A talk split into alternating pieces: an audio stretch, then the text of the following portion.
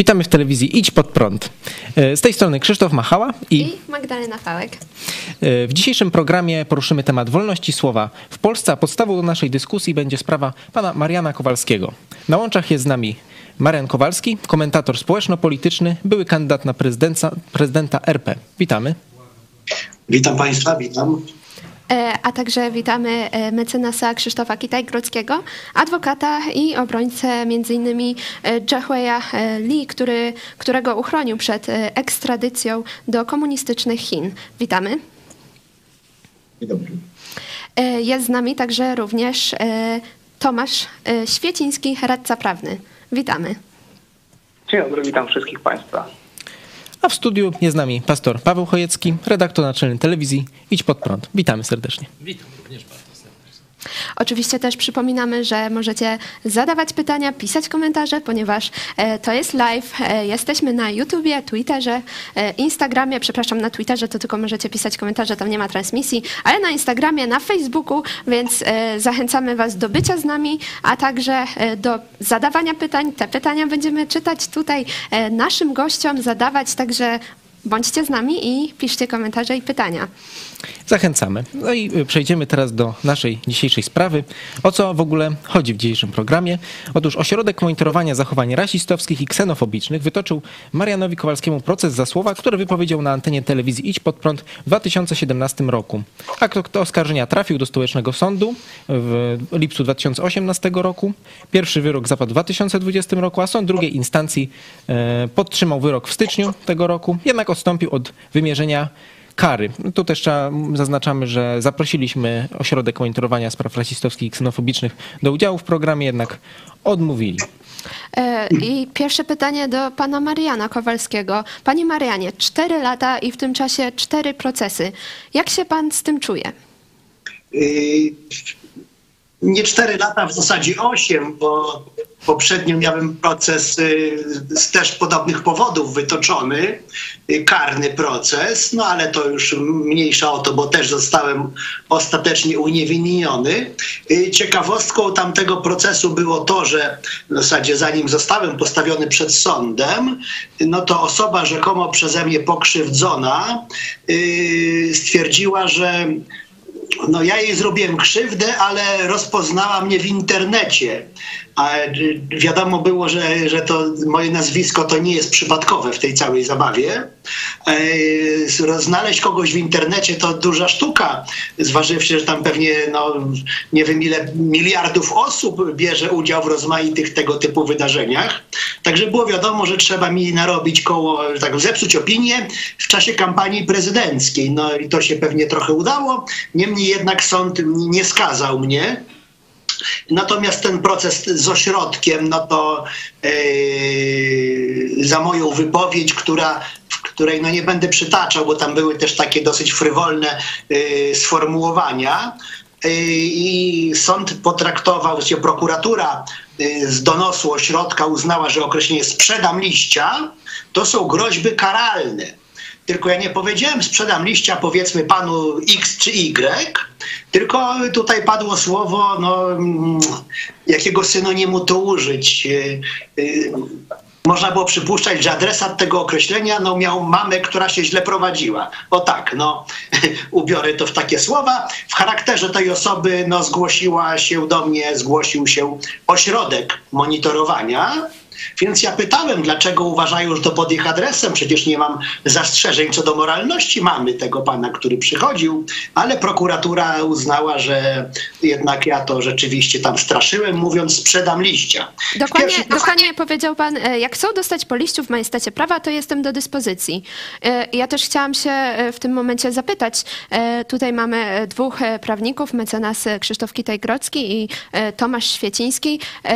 Jak e, panowie oceniają e, te słowa, ponieważ e, w opinii sądu spełniają one znamiona właśnie artykułu 190 kodeksu karnego.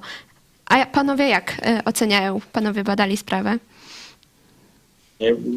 Jeśli chodzi o, kwestię, o którą panią pyta, mm, musiał, musiałbym się zapoznać z aktami sprawy dokładnie. Znanym jest uzasadnienie mm, orzeczenia sądu drugiej instancji, ja je przeanalizowałem. E, Natomiast no, musiałbym zapoznać się z całymi aktami sprawy, żeby się wypowiedzieć na temat sprawy, która jest e, jakby no już prawomocnie zakończona. Natomiast jeśli chodzi o sam wyrok, no to można z, z pełną odpowiedzialnością powiedzieć, że e, pan Marian Kowalski e, nie jest przestępcą, dlatego że mm, z tego e, e, zakończenia, z tego wyroku wynika, że sąd nie uznał, że popełnił przestępstwo. E, Uznał, że społeczna szkodliwość czynu, który popełnił, mm, była znikoma. A to oznacza samo przez się, że to nie było przestępstwo. I że nie sposób pana Mariana Kowalskiego opisywać czy zarzucić mu tego, że jest przestępcą. Taki był jakby mm, sens tego, tego orzeczenia. Natomiast czy pan, e, mm, wracając do pani pytania, e, tu jest sprawa troszkę bardziej skomplikowana. Ja mogę tylko powiedzieć, że zapewne sąd badał dwie kwestie. Czy panowie pokrzywdzeni rzeczywiście poczuli się, mm, nie wiem, wystraszeni tymi słowami, a sąd oprócz tego musiał ewentualnie jeszcze e, mm, zweryfikować, czy rzeczywiście w sensie takim bardziej obiektywnym panowie czy pokrzywdzeni mm, mogli się poczuć y, właśnie, mm, no nie wiem, zagrożeni. E, W pierwszym wypadku jest to bardzo taka subiektywna ocena. E, Tutaj w zasadzie wystarczy de facto deklaracja, że czegoś tam się boimy w słowach, które żeśmy usłyszeli. No, a wydaje mi się, że gra bardziej się toczyła tutaj właśnie o ten kontekst, e, czy w tych okolicznościach można było mówić o, o tym przestępstwie. Ja mogę tylko powiedzieć, abstrahując już od orzeczenia, jego uzasadnienia, no, że sytuacja dotyczy działalności no, forum mediów. E, Ona ma pewne swoje konotacje, powiedzmy sobie nawet polityczne. Mm, Tego typu mm, konwencja no, nosi ze sobą pewną spektakularność, pewną teatralność czasem. I tutaj te kryteria oceny e, tego, co mogły oznaczać te, zło, te słowa, powinny być bardziej takie, mm, powiedzmy, pojemne, e, nie do końca jednoznaczne, nieintencjonalne i tak dalej, i tak dalej. Więc e, ja nie mogę się odnieść do samego wyroku. To jest tutaj bardziej powołaną osobą był zapewne obrońca pana, pana Mariana Kowalskiego, natomiast no, uważam, że e, no, z przestępstwem nie mamy tu do czynienia. Jeśli mogę w tym momencie, mogę w tym momencie Oczywiście. coś powiedzieć? Bo to jest bardzo ciekawa rzecz. Czy, oni, czy ten pan, czy ci ludzie poczuli się zagrożeni? W trakcie postępowania y, ten pan, który pojawiał się w sądzie z ośrodka, y, przyznał, że on i być może jakaś grupa jego zwolenników pojawiała się na manifestacjach, w których ja brałem udział, w tym na Marszu Niepodległości. I znajdowali się bardzo blisko mnie. I tu powstaje pytanie, po co skrajni lewacy przychodzili na, organiza- na marsz czy na inne wydarzenia narodowe, prawda, no i szukali kontaktu ze mną. No, czy, czy rzeczywiście to nie oni y, prowokowali? No bo ja mówię tak, skoro bali się tego, co ja mówię z ekranu, a nie bali się przychodzić na Marsz Niepodległości, gdzie było tam kilkadziesiąt tysięcy osób o innych zupełnie poglądach. No to też jest takie, no w zasadzie chcieli mnie sprowokować pewnie i myślę sobie, że y, jak człowiek, który się boi, przychodzi tam, gdzie może być narażony na jakieś nieprzyjemności. Czyli to widać, że to była taka celowa ustawka, szukali na mnie jakiegoś haka. Mało tego, też y, y, zostało zeznane, że jest podejrzenie, że ja rzeczywiście jestem groźny, czy tam mogę zrobić krzywdę, bo przeciwko mnie jest prowadzonych tam ileś postępowań, co było kłamstwem, ponieważ przeciwko mnie nie było prowadzone żadne postępowanie z ich inicjatywy, a także tutaj sąd był wprowadzany w błąd celowo, żeby stworzyć wokół mojej osoby określony klimat. A jeden z tych rzekomo przestraszonych panów y, uciekł do Norwegii, bo jest skazany prawomocnym wyrokiem na więzienie za nadużycia finansowe pod pretekstem tej działalności e, jakiejś tam, prawda, jako aktywista społeczny. Czyli uciekł przed wyrokiem do Norwegii, ale dalej się mnie bał. I nawet zostało to e, tak zeznane, że w zasadzie ja mam tak rozległe kontakty w środowiskach rozmaitych takich no, faszystowskich na całym świecie, że on w tej Norwegii dalej się mnie boi. Y, Teraz pytanie do pana Tomasza Święcińskiego. Jak pan ocenia tę sprawę? Y, Jak ocenia pan postępowanie sądu w tej sprawie? Żeby nie powielać wypowiedzi tutaj pana mecenasa, no to powiem, że e, to umorzenie wydaje się prawidłową decyzją procesową, ponieważ zostało to poprzedzone kompleksową analizą e, kwestii szkodliwości społecznej czynu e, i tak jak tutaj pan mecenas wskazał, taki czyn znajdujący się znikomą szkodliwością nie nadaje się do podciągania do odpowiedzialności na podstawie ustawy karnej. E, Mamy również e, pytania już z czatu. Pierwsze, e, Kornelia Chojecka, w którym momencie osoba atakowana, na przykład w mediach, ma wiedzieć, że jest to tylko krytyka słowna, a nie groźba ataku fizycznego. Gdzie jest ta granica? Mecenas Kitej-Grodzki. Ja jestem od lat Byłem kiedyś nawet prokuratorem. Ja raczej mogę się na ten temat wypowiedzieć w kontekście kodeksu karnego. Y, Kodeks karny ma szereg przestępstw, y, które, danych czynów, które e, no, bardzo często w, w mediach można określać jako wręcz zmuszania, mm, zniewagi itd., itd. Tutaj mm, tą granicę tak naprawdę e, widzimy jakby w przepisach kodeksu karnego. No i w tym zakresie raczej e, wypowiadają się prokuratury, czy ewentualnie oskarżyciele m, prywatni, zwykle prawnicy. Natomiast e, jeśli chodzi w takim jakby obiegowym przekonaniu, no to e, ta granica jest taka bardzo płynna i e, mm, e, to też zależy od, od podmiotu, który słyszy e, jak, e, pewnego rodzaju treści, bo mm, z tej praktyki dwudziestoletniej, jaka, mm, jaka jest moim udziałem, no najczęściej, e, jeśli chodzi o tego typu kwestie, no to, to jest traktowanie prawa dosyć instrumentalnie.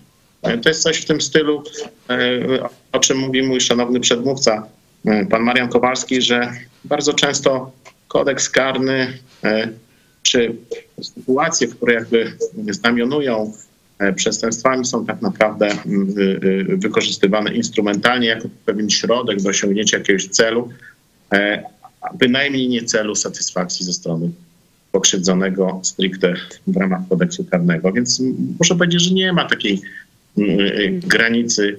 Jedyną ostrą granicą to jest, jest kodeks karny. Y, W, w, też można mówić o prawie prasowym, o, o, o, o kwestiach medialnych, ale to jest bardziej kwestia stylu, kultury y, osobistej i pe- pewnej oceny społecznej tego, co, co słyszymy. Natomiast y, to odróżnienie jest y, co sprawa, to inne. Y, W jaki sposób pan e, Tomasz Święciński, pan e, prawnik, e, też e, może się odnieść do tej sprawy? Jakie są te granice wolności słowa? Powiem w ten sposób, że tutaj na przykładzie przestępstwa groźby karalnej mówimy o procesach e, psychicznych, które są niemierzalne i tak jak tutaj wspomniał mój przedmówca, mamy do czynienia ze sferą kultury osobistej, e, kultury w środkach e, masowego przekazu.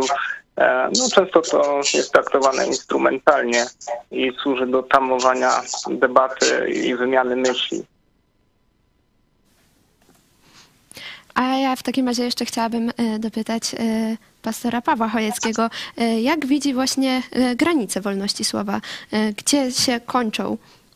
Znaczy powiedzenie tutaj w tym konkretnym e, przypadku, czyli gdzie e, takie e, sprawy związane z grożeniem czy, czy mówieniem, że coś ci zrobię, nie zrobię, no gdzie tu jest granica, nie? No bo pojęcie jest dużo szersze.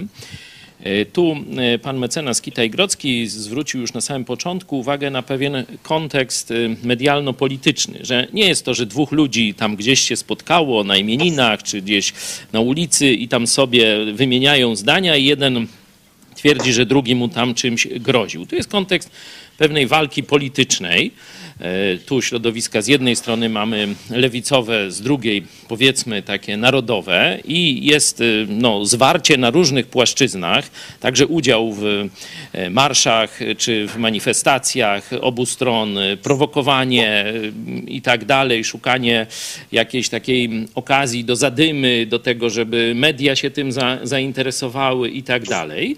E, I tu też pan Marian Kowalski pokazał, że kontekst był taki, żeby tych, nie tylko tego, ale i tego wcześniejszego procesu, żeby zdyskredytować go w oczach opinii publicznej. Także e, jeśli chodzi o tło tego konkretnego przypadku, no to widać, że tu nie chodzi o tam, że ktoś się poczuł e, urażony, że to była jakaś realna groźba, że, że y, oczywiście ja byłem też świadkiem, będąc uczestnikiem, współuczestnikiem tego programu i do głowy mi nie przyszło, że z tego może coś wyjść, nie? Że, że tu czy Marian planuje kogoś tam naprawdę e, w jakiś sposób e, skrzywdzić, czy że ktoś tam się specjalnie tym e, poczuje przestraszony, to mi do głowy nie przyszło, no tam po jakimś czasie pojawił się proces, także w tym, w tym przypadku myślę, że to jest takie trochę łapanie za słowa, żeby mm, no, komuś dokuczyć, żeby ten proces był, żeby przykuć uwagę mediów, czy tego typu, e, tego typu polityczno-medialne aspekty są tutaj mm, wykorzystane.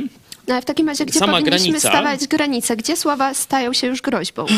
No, oczywiście lepiej, żeby w ogóle nie używać takich no, zwrotów, które by były związane z jakąś przemocą fizyczną, nie? Y, Ale nawet jakby y, y, trzeba tu pamiętać, że język ma pewne, pewną pojemność dość dużą. Na przykład no, powinni go wyrzucić, nie? jak ja tak powiem. No i teraz co to znaczy? Czy wyrzucić to znaczy proszę pana, proszę wyjść, nie? Y, Kulturalnie i tak dalej, czy dwóch gości przychodzi, bierze i go tam ze schodów zrzuca, nie? Że już ktoś y, mógłby to ocenić, że to jest groźba karalna z przemocą i tak dalej, a ktoś inny mówi, co? Co wy się czepiacie, nie? Czyli musimy pamiętać, że tu nigdy kodeks nie rozwiąże, o tu można powiedzieć, dzień, dzień już przekroczył i tak dalej, nie? No rzeczywiście od tego są e, sądy i one powinny patrzeć na kontekst tej wypowiedzi w tym konkretnym e, wyroku. No, widać było, że sąd poszedł za tym rozumowaniem, że tutaj ten kontekst pokazuje, że o żadnej przemocy być nie mogło. Ja tylko chcę zwrócić uwagę, że zobaczcie, trwało to 5 lat. Prawie 5 lat. Ile pieniędzy, ile czasu, ile nerwów różnych ludzi zostało zmarnowanych, czy nie powinniśmy się w tym czasie zajmować dużo poważniejszymi sprawami? Przecież y, cały system prawny jest przeciążony, ludzie czekają na sprawiedliwość w ważnych sprawach. Mógłbym parę przykładów pokazać, ale to nieistotne, a sądy są zapchane tego typu polityczno-medialnymi problemami. I to mnie, jakby to powiedzieć, boli. To z tym trzeba coś zrobić, bo to jest niewydolność państwa polskiego.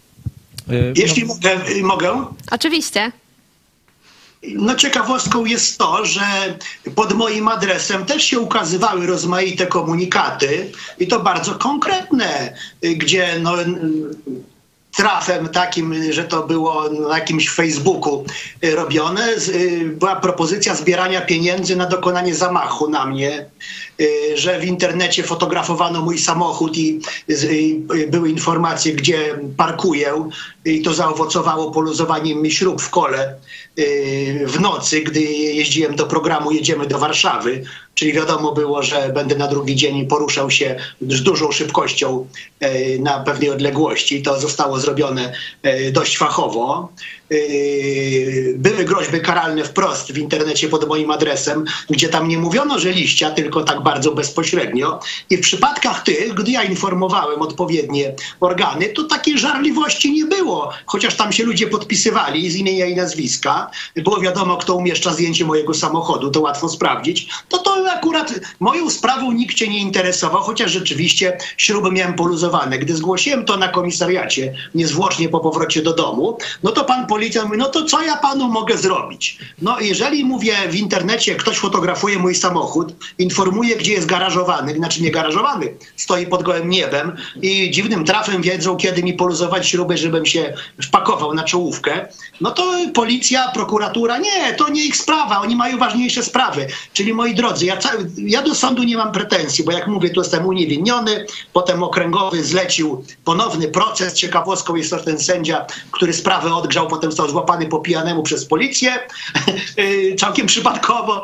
Y, Potem to zostało umorzone, czyli w zasadzie było celowo przez prokuraturę przedłużany proces, a mógł się zakończyć po tym pierwszym wyroku, że niewinny, koniec, kropka. Nie, nie ustępowali. Gdy mało tego, ten mój przeciwnik w procesie składał fałszywe zeznania po zaprzysiężeniu, żądałem, żeby był zaprzysiężony, kłamał, no prokurator to słuchał i udawał, że nic się złego nie stało. Gdy składano przeciwko mnie fotomontaże ewidentne, yy, pokazujące mnie w ewidentnie złym świetle, bo ten obraz, który za mną teraz Państwo widzą, marszałka Piłsudskiego, to był przedstawiony jest Mussolini, moje tatuaże były przedstawione jako tam zupełnie inne niż mam, no co udowodniłem w sądzie, że mam zupełnie inne i to nie musiałem się rozbierać, ja pokazałem zdjęcie oryginalne w tygodniku Polityka, no to też prokuratura udawała, że, że to się nic nie dzieje złego. Jak moi przeciwnicy już praktycznie przy ostatnim, na ostatnim posiedzeniu, gdzie oczekawali, yy, był spodziewany wyrok, yy, no jeszcze dodatkowy składał jakieś tam rzekome dowody, celowo wydłużając proces. A temu towarzyszyła bezczelna zbiórka pieniędzy na proces ze mną. Po co?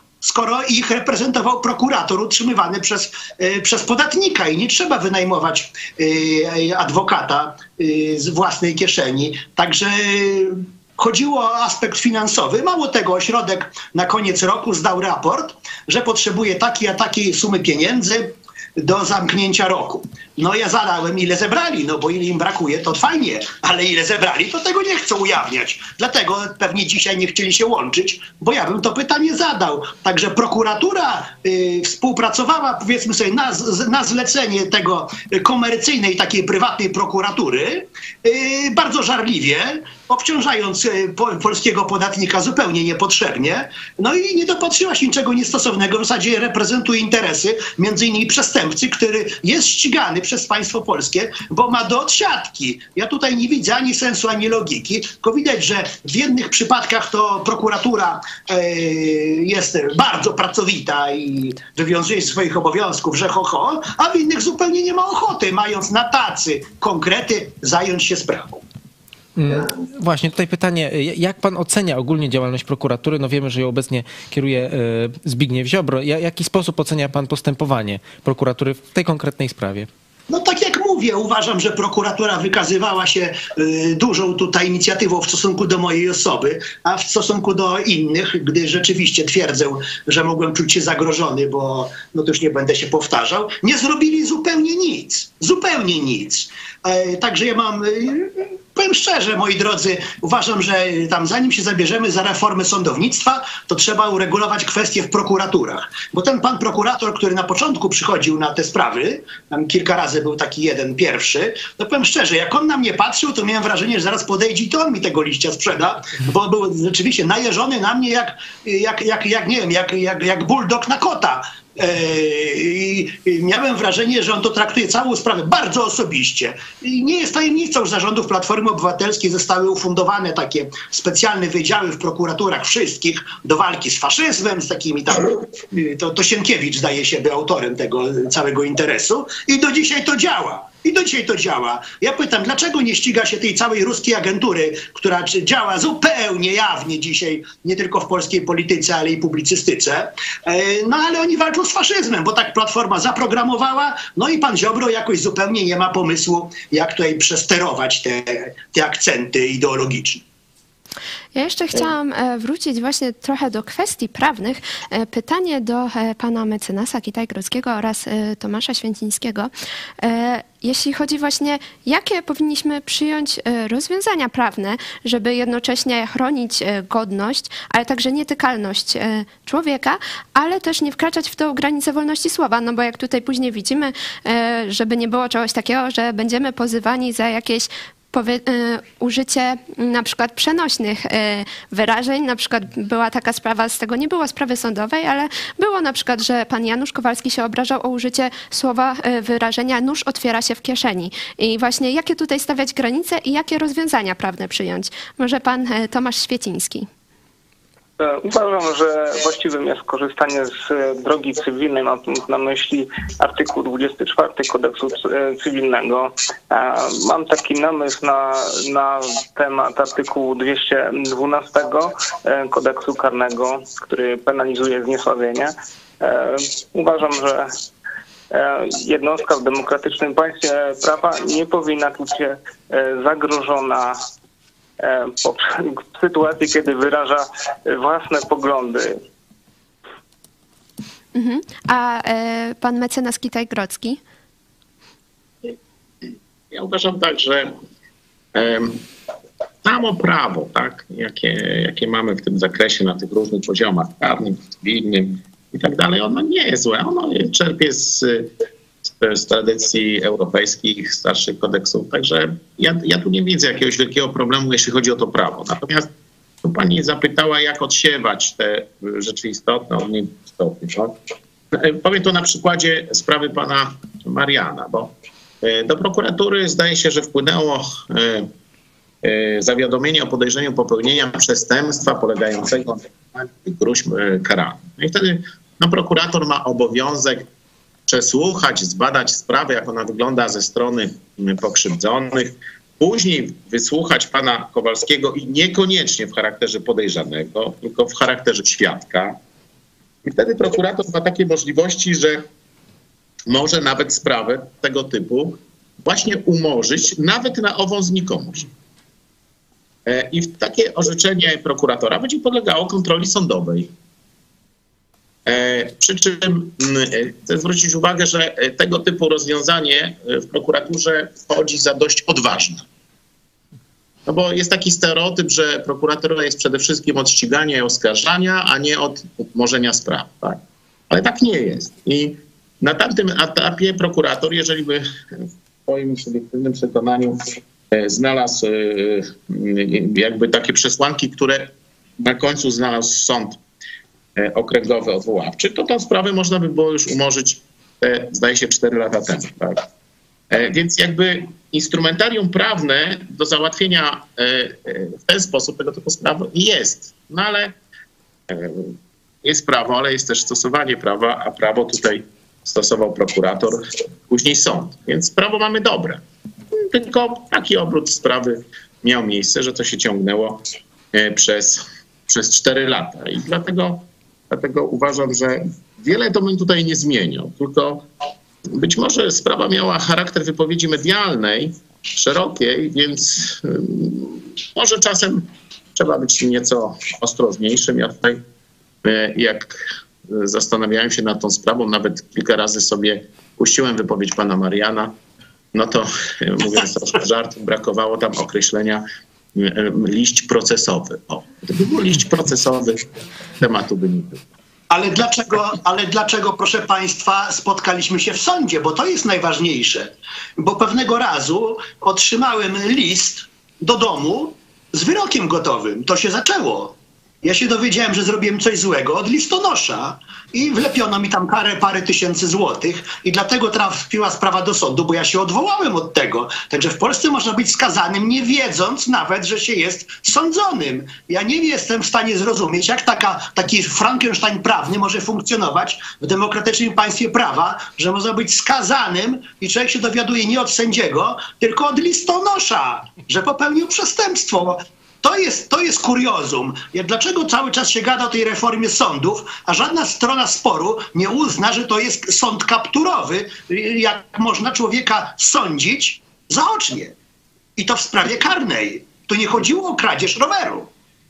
Chciałem jeszcze, e, e, uzupełniając to, co powiedziałem wcześniej, e, Państwo musicie mieć świadomość, że prokuratura mm, i szerzej policja to jest taka instytucja, która ma obowiązek przyjąć wszystko.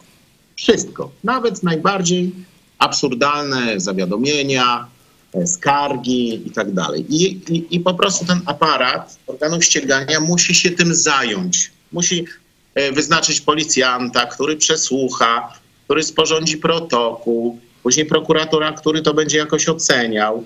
I e, to jest właśnie no, z, punktu widzenia demokratycznego państwa prawnego, no to jest dobrze, bo każdy obywatel, nawet taki, który jest w błędzie e, co do, nie wiem, swojej sytuacji albo działań innych osób, no powinien liczyć na to, że organ, który te granice, e, ja mówię z punktu widzenia prawa karnego, zna, żeby on to ocenił.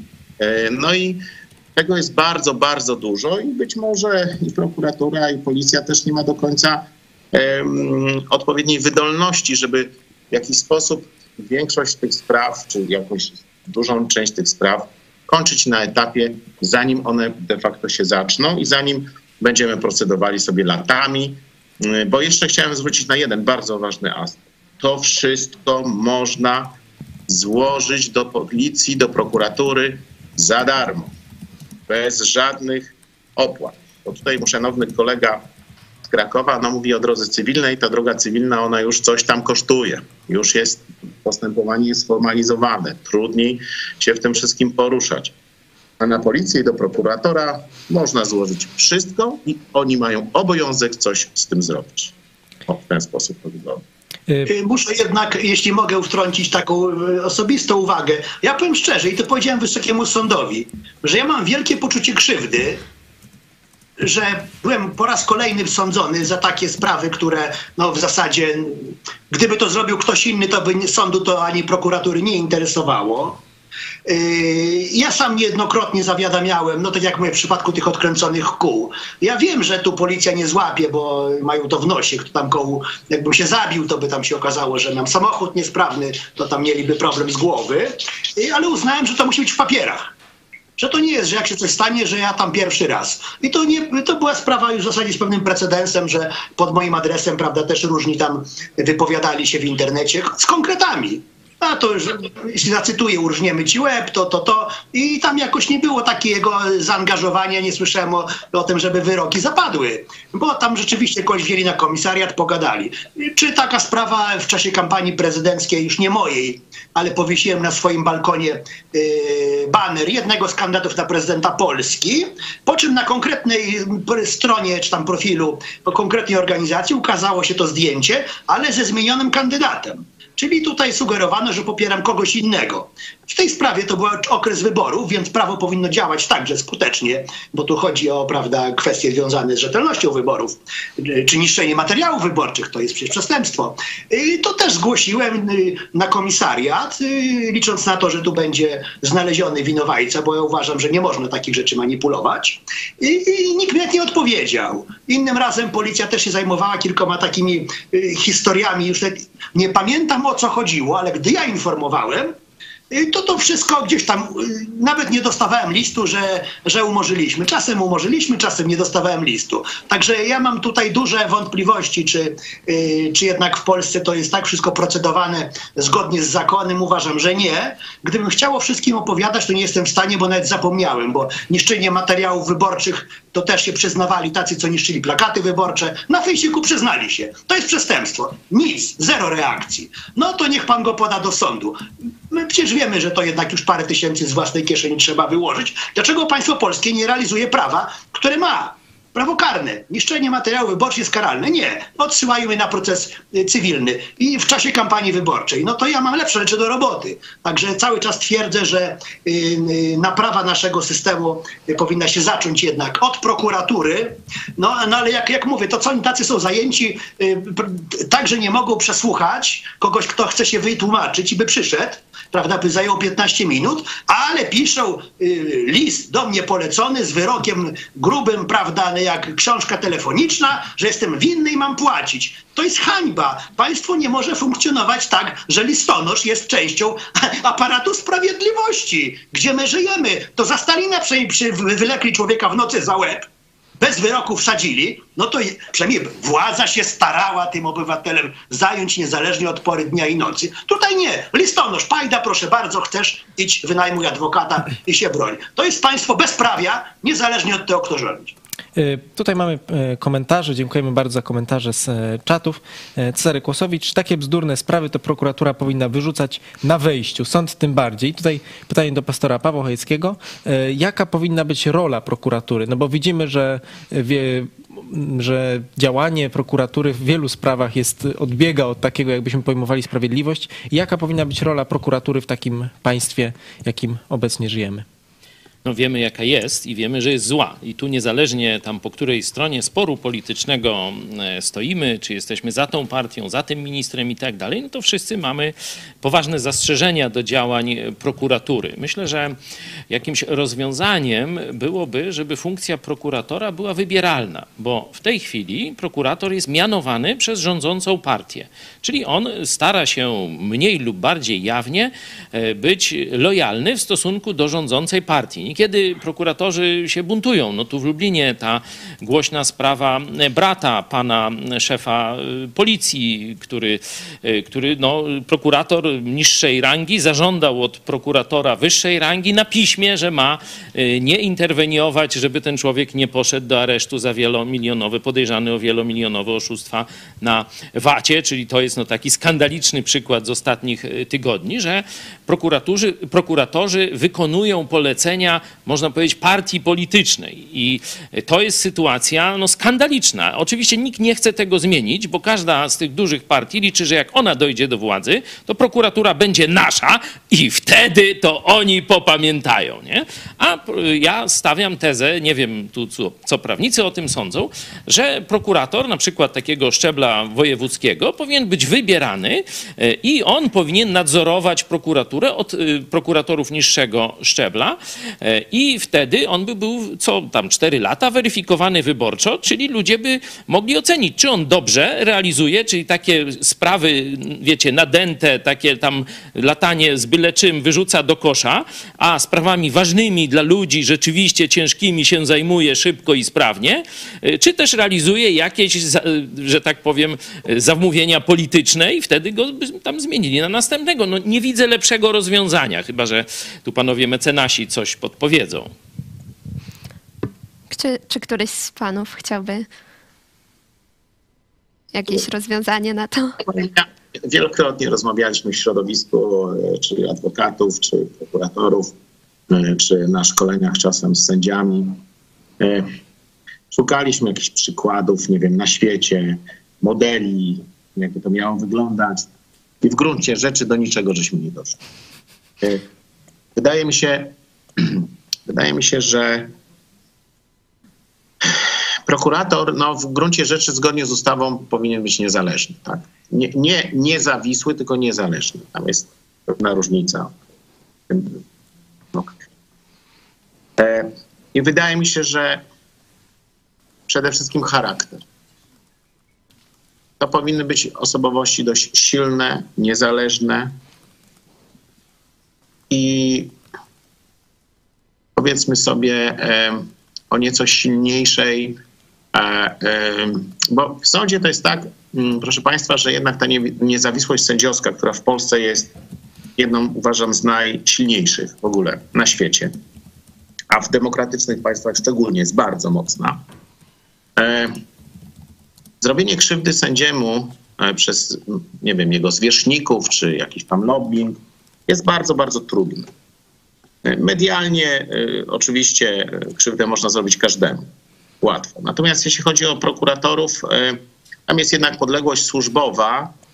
Tam powiedzmy sobie, prokurator, który chce postępować zgodnie z sumieniem, musi też wiedzieć, że jest hierarchicznie podporządkowany swoim zwierzchnikom i bardzo często wbrew swojej woli czas, może musieć przyjąć punkt widzenia zwierzchników. Ten prokurator, który prosił o polecenie na piśmie, a to jest dosyć rzadka sprawa, zapewne miał mocny kręgosłup i e, nie chciał się zgodzić na jakieś wytyczne, które były niezgodne z jego, że tak powiem, sumieniem i wykonanie ale z drugiej strony miał obowiązek to zrobić, bo to wynika z tej pragmatyki służbowej w prokuraturze, a żeby zachować twarz, właśnie prawdopodobnie chciał, e, żeby to było na piśmie, że to nie on, że to nie jego sumienie. E, I powiem Państwu szczerze, że ciężko ten model. Ja mam e, sporo klientów ze Stanów Zjednoczonych, z Europy Zachodniej i dobiegają do mnie takie informacje, które e, e, no, powiedzmy są. Czasami wydaje mi się, że nasz system jest jednak bardziej liberalny, bardziej, że tak powiem, spokojny. e, dla człowieka niż, niż, niż tam. To jest bardzo różnie. Nie możemy powiedzieć, że nasz system prawny i nasz e, system stosowania prawa w jakiś sposób jest, e, odbiega od innych europejskich czy światowych, tych takich wyższych mm, pod względem jakiegoś takiego, no, tej, tej, tej demokratyzacji. I powiem panu, Państwu szczerze, że takiego systemu e, nie znajdziemy. Wiele żeśmy na ten temat rozmawiali. Wszystko zaczyna się i kończy na kręgosłupie moralnym danego urzędnika, którym jest prokurator i urzędnika, którym mimo wszystko jest również sędzia. To jest najważniejsza rzecz. E, A tego jakby w szkole tych prokuratorów i sędziów myślę, że nie do końca e, są w stanie tego nauczyć. To trzeba mieć w sobie. I to jest podstawa. Tutaj e, mamy komentarz e, Rako Lublin. Potrzebujemy poczciwych prokuratorów. Ja też jeszcze mam jeszcze jeden komentarz, trochę też w temacie prokuratury. Cezary Kłosowicz. Jak powiem prokuratorze, że napadli mnie Marsjanie, to wyślę policjantów na Marsa na przesłuchanie. Zostaniemy potęgą kosmiczną. Nie, wtedy, wtedy pan będzie e, e, może dostać zarzut fałszywego zawiadomienia o podejrzeniu popełnienia przestępstwa albo fałszywych zeznań lat ośmiu, więc polecam pan do eksperymentowania. Dziękujemy za tą odpowiedź. Ja jeszcze chciałam e, pytać. Przypominam, że tu na Lubelszczyźnie mieliśmy taki przypadek faktyczny, że człowiek do tej pory, tam, że nie wiem, czy on jeszcze żyje, bo to gdzieś, nie pamiętam, lata 80., że on właśnie twierdził, 70. że... 70. O, widzę, że pan mecenas pamięta. Także, Mecenasy, a pamiętam. także taka... A, przepraszam, to y, Marian, sorry. Nie, nie widzę was, y, tylko słyszę. Y, Także rzeczywiście mieliśmy taki przypadek i ten człowiek był nie, że Ale- tylko napadnięty, ale i wykorzystany. Ale Paweł, jest y, ważny wątek tamtego zdarzenia. Ten pan wycofał się ze swoich y, zeznań y, po otrzymaniu krowy. Widzisz, nie, nie znałem tych szczegółów. Jest nawet film o tym, znaczy nakręcono, chociaż nawet go nie mogę w internecie nigdzie znaleźć, w charakterze komediowym, ale dość wiernie oddający sprawę. Kolejne pytanie mamy z y, czatu, również Mariusz Borucki. Y, Dlaczego wśród Polaków jest tak małe zrozumienie wolności słowa dla każdego na równych zasadach, a nie tylko dla siebie i swoich poglądów? Tutaj pytanie do w sumie wszystkich i do e, pra- prawników i do pana mecenasa, ale też do każdego uczestnika. Może Marian Kowalski na początek. No ja akurat jestem bardzo wyrozumiały w stosunku do osób, które się o mnie wypowiadają w rozmaity sposób.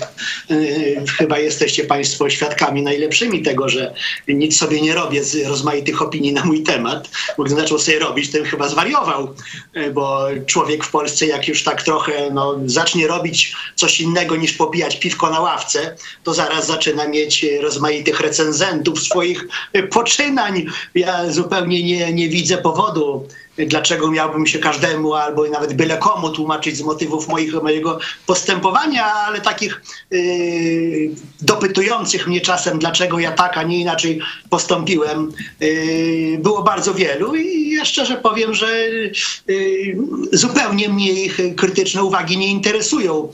Niemniej jednak yy, mamy z czymś takim do czynienia, że yy, to mamy taką, ja to nazywam kargulizacja, pawlakizacja pra, prawa po, polskiego, że sąd sądem, a sprawiedliwość jest po mojej stronie.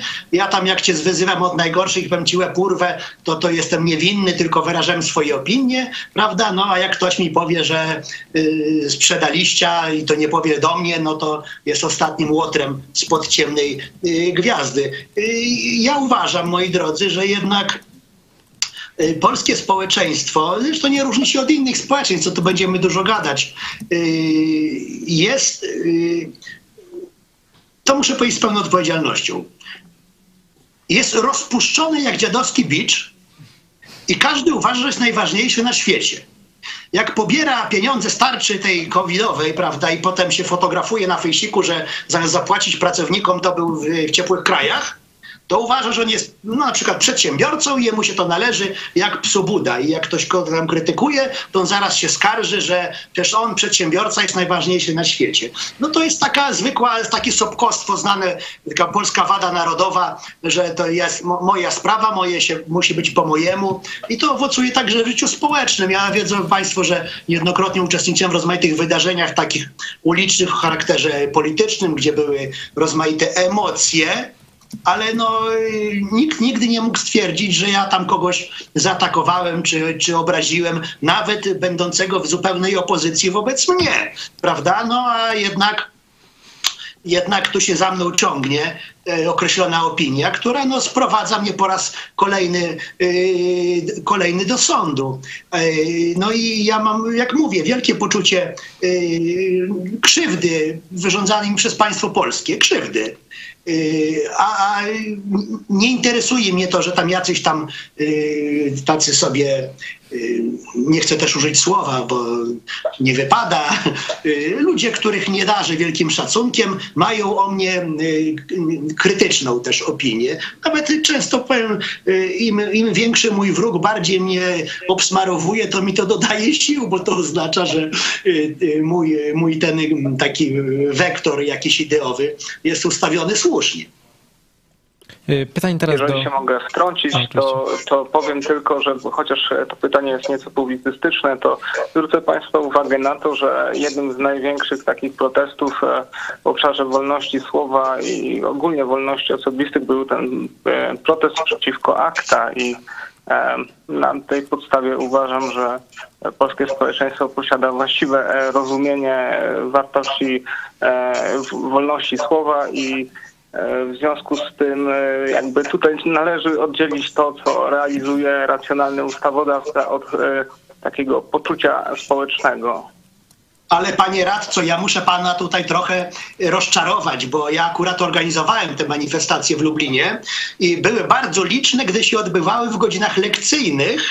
Natomiast gdy się odbywały wieczorem i w mróz, to przychodziło tylko kilka osób.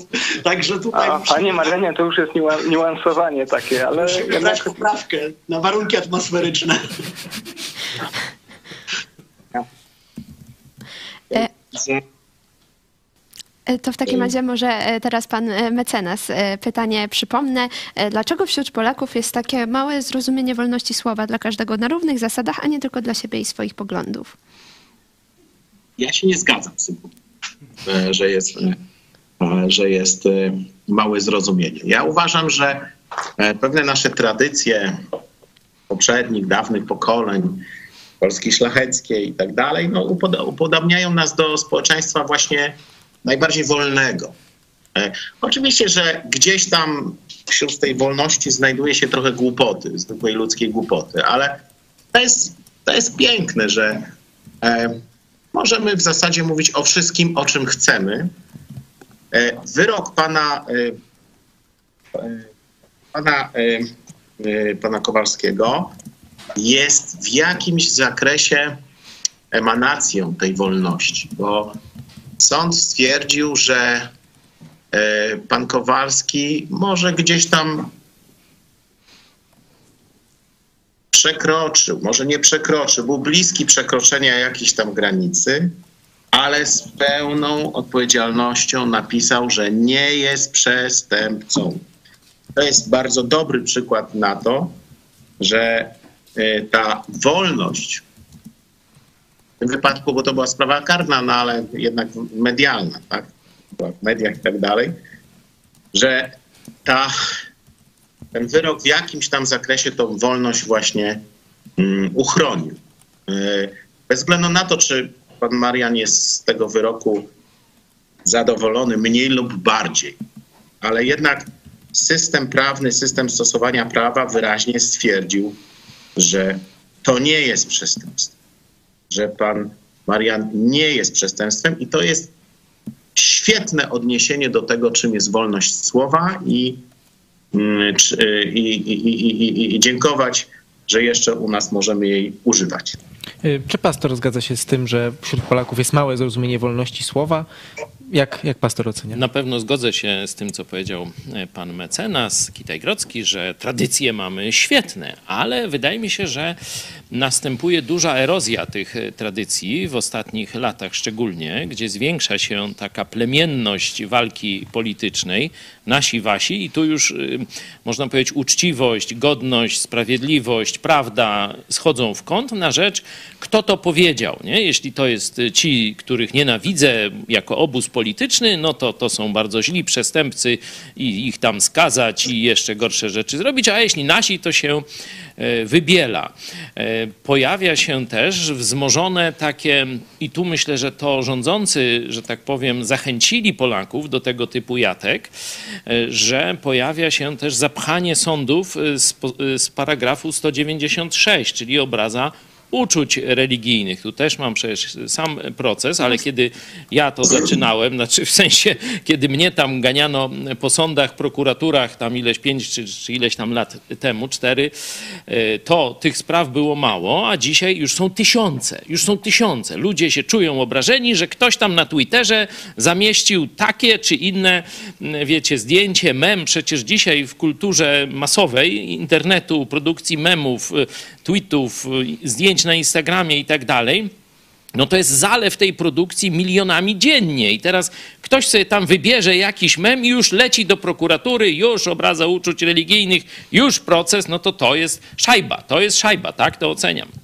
Właśnie jeszcze chciałam się dopytać tutaj e, naszych gości e, w tym kontekście właśnie, że pojawia się bardzo dużo procesów, jak wspomniał pastor, e, o wolność słowa, w tym właśnie tutaj w naszej telewizji proces pastora Pawła Chojeckiego. Czy panowie, co panowie sądzą o artykule 196? Czy są panowie za jego usunięciem? Może na początku pan mecenas Kitaj-Grodzki. Mm, Nie, absolutnie nie. Nie jestem za usunięciem, dlatego że e, kwestie religijne to są też kwestie związane z prawami człowieka i e, no, no, my mamy dosyć taki jednolity pod względem religijnym e, kraj, społeczeństwo. Więc no tu chociaż tych takich na, naruszeń tego typu rzeczy jest trochę, ale myślę, żeby nie dać się też zwariować w drugą stronę, tak, w stosunku do tego, co powiedziałem. Mm, e, e, Wiara wielu osób jest ich osobistą wprawdzie mm, sprawą, ale nie wolno im robić krzywdy. Nie można poprzez znieważanie e, pewnych, nie tyle nawet wartości, tak, które z niej wypływają, ale pe- pewnych nawet symboli, no to uważam, że jest niedopuszczalne i tego nie wolno robić.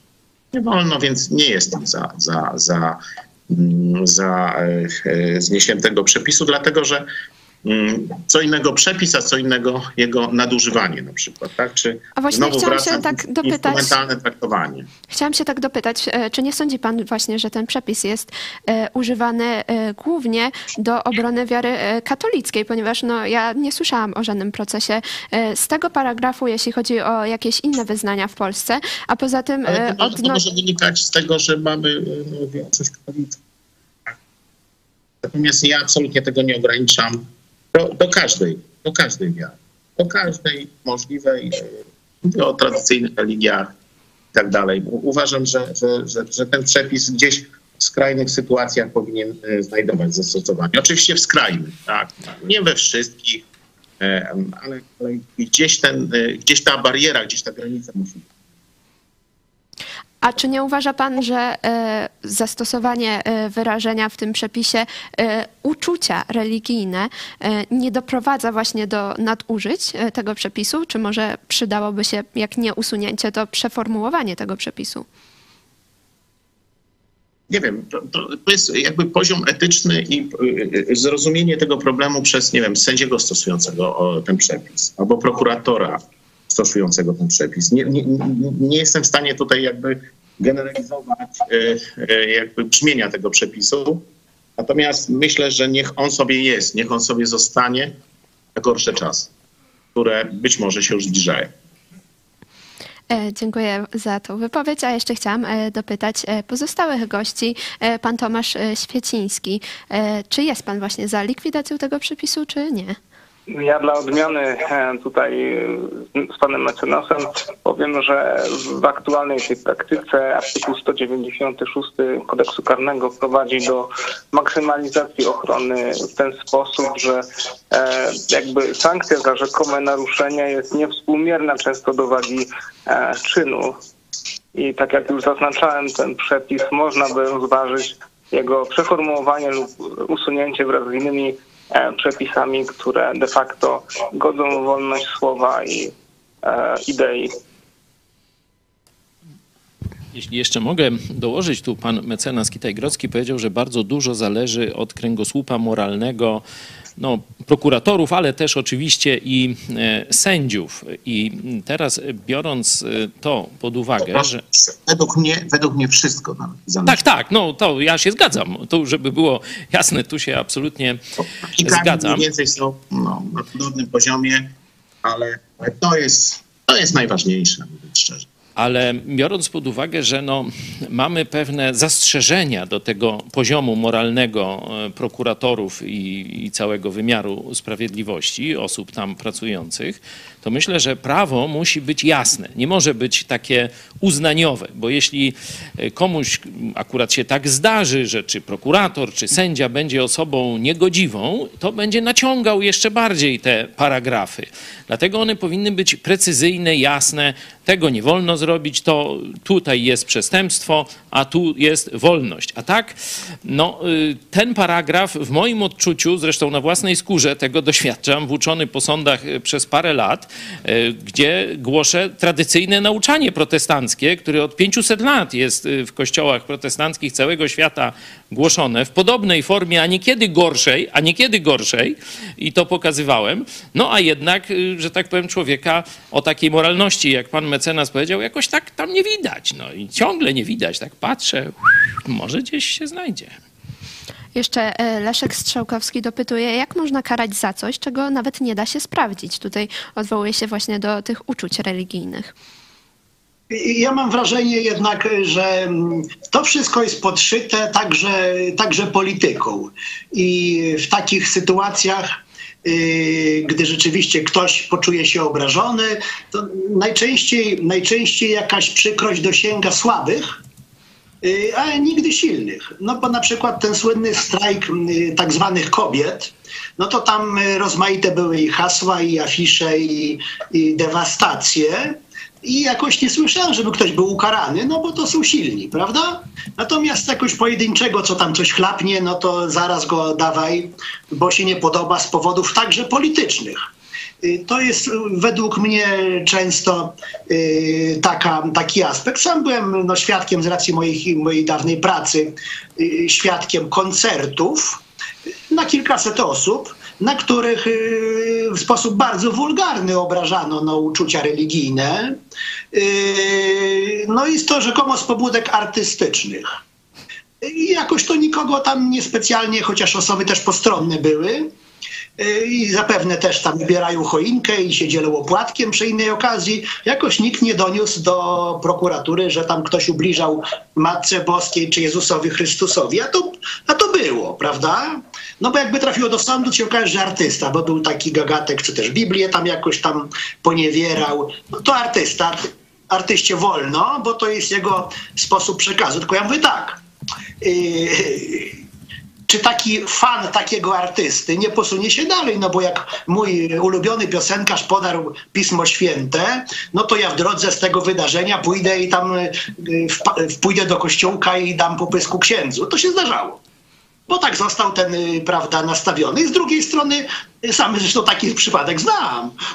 Y, Z drugiej strony też ktoś coś powie, który się nie podoba z kolei innej części no, takiej publiczności, no to do sądu, bo on się źle wypowiedział. Ja wiem, Paweł, że tu akurat chodzi o twoją sprawę i ci, co ciebie tak y, nie lubią, to jakoś nie widzą, że cały internet jest zapchany takimi dziełami sztuki, y, znacznie jaskrawi i obrażającymi y, no, nie tylko osoby duchowne, ale samego Jezusa Chrystusa. No i jakoś tam się nikt nie interesuje, bo wiedzą, że tamci mają pieniądze, wynajmą sobie prawników i, i to nic nie da, ale słabego to można poniewierać i dlatego uważam, że y, zależy, y, kto czuje się obrażony i przez kogo. I tutaj to kryterium y, możliwości prawda, finansowych i takich, czy, czy się komuś dobierzemy do skóry realnie, czy nie. No bo pana Nergala to tacy aktywiści, że tak powiem, katolicy nie tkną.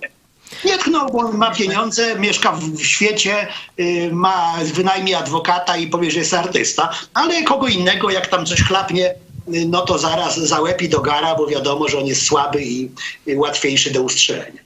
No dlatego właśnie to pole wolności powinno być tak duże, żeby ci z nas, którzy są słabi, mogli mówić to, co myślą. Bo inaczej, no to będzie cały czas, e, ojej, zaraz, zaraz przyjdzie listonosz, nie? Tak jak w twoim przypadku.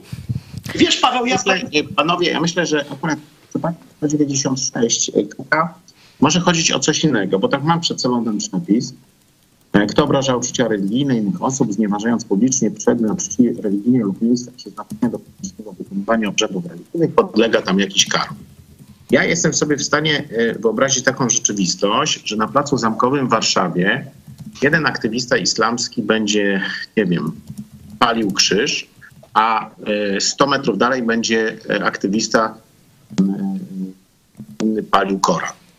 I e, gdyby tego przepisu nie było, to policja, oprócz kwestii porządkowych, że nie wolno palić na placu zamkowym, tak, nie będzie miała żadnego, żadnej możliwości, żeby obu panów e, zatrzymać, żeby przy każdym nich nie stanęło coraz więcej kibiców i żeby nie doszło do jakichś e, e, walk na, na, na tym tle. Ja myślę, że ten przepis ustawodawcy chyba między innymi też o to chodziło, żeby pełniał pewną funkcję, funkcję jednak taką e, porządkową, uniemożliwiającą jakieś większe tarcia e, na tle religijnym. I, i, i chociaż pewnie też chodziło o jakieś kwestie no właśnie, tak jak tutaj panowie podkreślacie, ochrony e, słabszych wspólnot religijnych, słabszych, w ogóle słabszych ludzi społecznie i tak dalej. I ja z tego względu uważam, że ten przepis e, jednak powinien pozostać.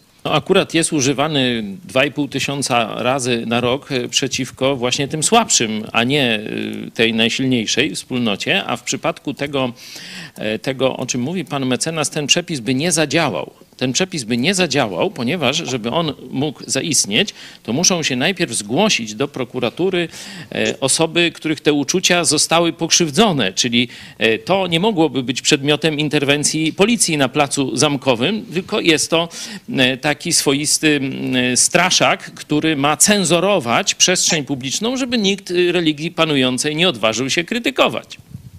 Y, To wracając Ja jeszcze uważam, do... że jeśli mogę jeszcze jedno zdanie, uważam, że nie powinno być żadnego przyzwolenia na akty dewastacji, na zakłócanie e, wydarzeń o charakterze religijnym i tutaj nie ma, e, nie ma o czym gadać. Natomiast jeżeli ktoś wypowiada jakieś tam własne refleksje, e, zwłaszcza do grona wąskiego, no, jakichś tam swoich zwolenników, no to, to już powinien być większy margines tolerancji. Ja nie zgodzę się nigdy na to, żeby hasały po Polsce jakieś takie manifestacje, które będą obrażały y, prawda, duchownych, rozmaitych wyznań, będą nawoływać, czy to się, czy, rzeczywiście prowokowały wejścia także polityków do świątyń w czasie uroczystości. I ta dumna pani polityk, ona mówi, że ona była tam sobie wyrazić swój y, sprzeciw wobec czegoś. Jeżeli komuś nie podoba taka czy inna świątynia i odbywające się tam obrzędy, to niech tam nie chodzi.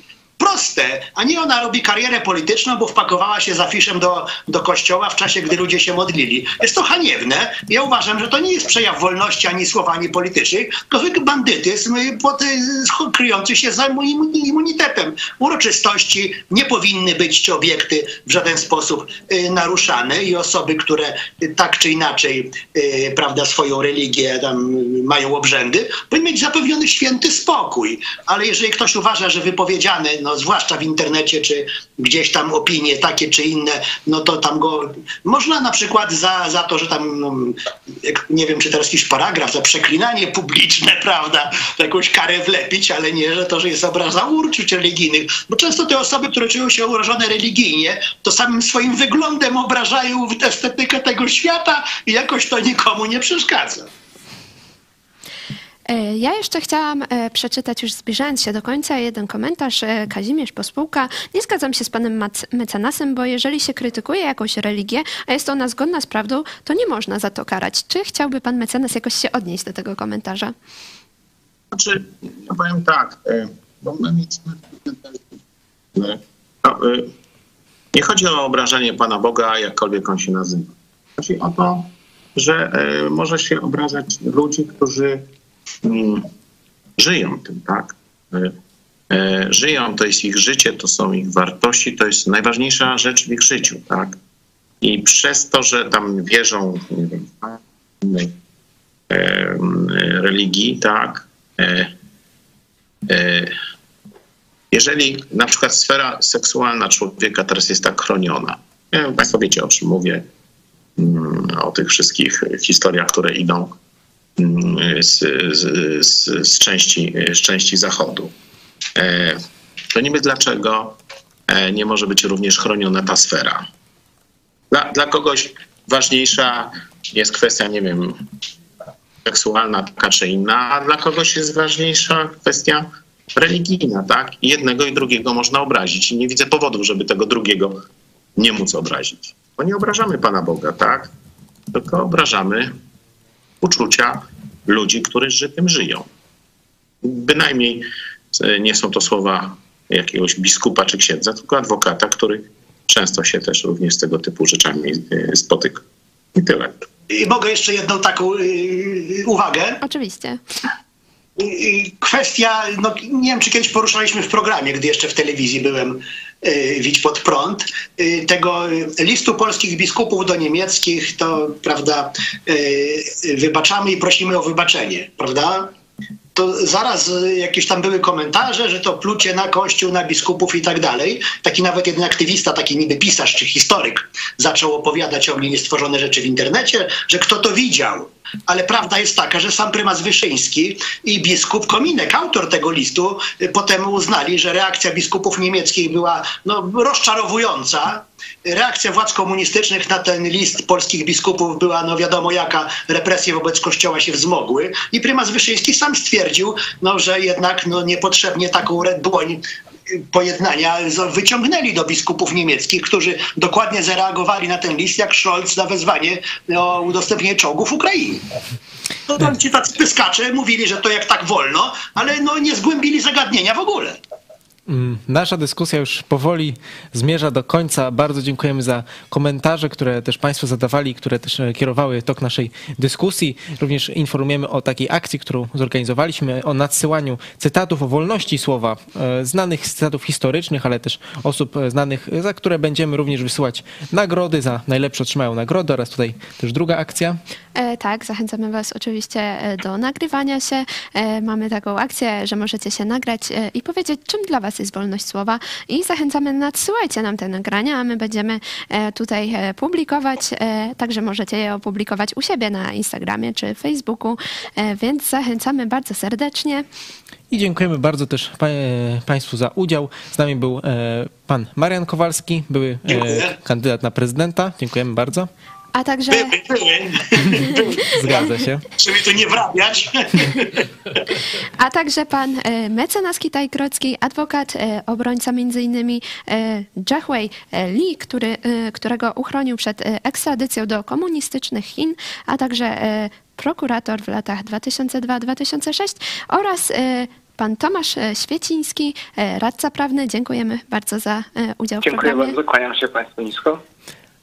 A z nami w studiu był e, pastor Paweł Chojecki, redaktor naczelny telewizji Idź Pod Prąd. Dziękuję bardzo za udział. Ja również bardzo dziękuję Państwu i Wam za prowadzenie. I dziękujemy wam, że... I dziękujemy Wam, że e, Wy byliście z nami, że zadawaliście pytania i e, pisaliście komentarze. Byliśmy na Instagramie, Facebooku, a także YouTubie i myślę, że zobaczymy się na kolejnym live'ie.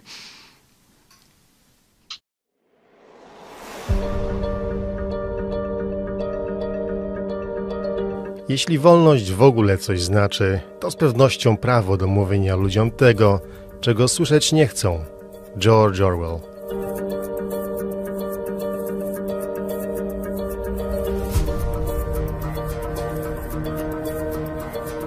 Twierdzić, że nie można krytykować prezydenta albo że mamy przy nim stać, czy ma rację, czy też nie, jest nie tylko niepatriotyczne i służalcze, to moralna zdrada narodu amerykańskiego. Theodore Roosevelt.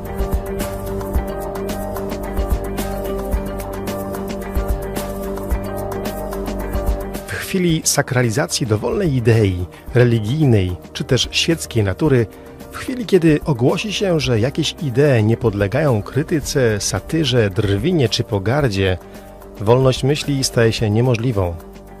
Salman Rushdie